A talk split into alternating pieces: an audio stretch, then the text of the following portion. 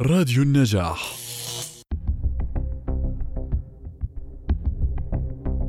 ملاحظات حول إجراء المقابلات مع الضحايا.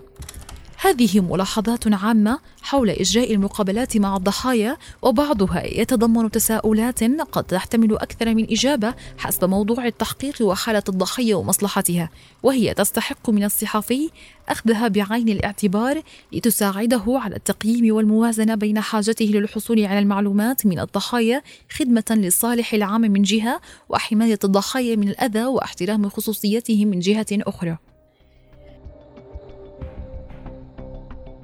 ما بين التوثيق وتجنيب الضرر. يسعى الصحفي أثناء إجراء المقابلة إلى تجميع معلومات وافية من المصادر فيسأل عن أدق التفاصيل أحيانا من أجل التحقيق والتوثيق والتمكين من سرد القصة كاملة. لكن ماذا لو كان المصدر ضحية تتحدث عن ألم ومعاناة وضرر أصابها؟ هل أوقف المقابلة عند تأثر الضحية لتجنيبها الأضرار النفسية التي قد يتسبب بها الحديث عن الانتهاك؟ وماذا لو كانت الضحية رغم ذلك ترغب في إيصال صوتها من خلال الحديث للصحافة ألا يكون إيقاف المقابلة في هذه الحالة فعلا وصائيا يمارسه الصحفي على الضحية؟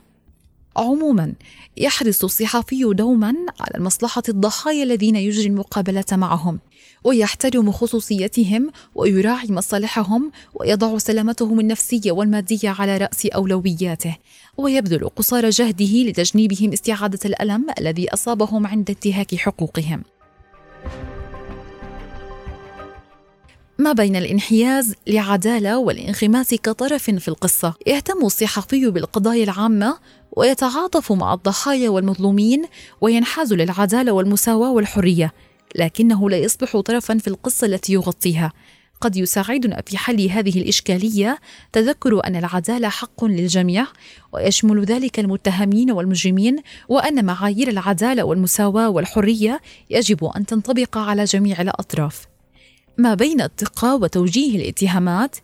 يطرح الصحفي أحيانا أسئلة تتعلق بأدق التفاصيل وقد يكرر طرح الأسئلة ذاتها بأساليب مختلفة لغايه التأكد من صدق الرواية ودقة التفاصيل. لكن كثيرا ما تشعر بالمصادر والضحايا منها خصوصا بأن الصحفي يشكك بمصداقياتهم فينتقلون إلى حالة الدفاع عن أنفسهم. يمكن للصحفي في حالات مشابهة أن يشرح للضحية سبب تكرار الأسئلة ويوضح لها مدى أهمية نقل معلومات دقيقة للجمهور. وحتى لو شعر الصحفي بأن الضحية تكذب ولم يتمكن من التحقق من رواياتها فله ألا ينشر قصتها. ولا يحق له محاسبة الضحية أو توجيه اتهامات لها خصوصا أنها ليست ملزمة بالتحدث للصحافة. ما بين الشفقه وكسب الثقة؟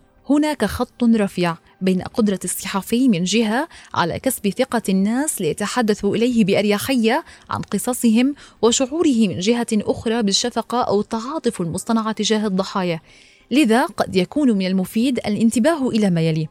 تجنب إطلاق النكات عند التحدث مع الضحايا مروا بتجارب قاسية ومؤلمة فقد يكون هذا مؤذيا للضحية كما سيخلق حاجزا بينها وبين الصحفي قد لا يكون تصنع اللهجة مفيدا يكفي أن يتحدث الصحفي باللهجة الدارجة عند معظم الناس إذا شعر بوجود فجوة تعيق التواصل مع الضحية.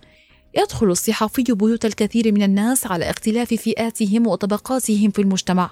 ومن المهم أن يراعي الظروف البيئية والمكان الذي يدخله ويقدر للضحية موافقتها على مشاركة قصتها مع الصحفي.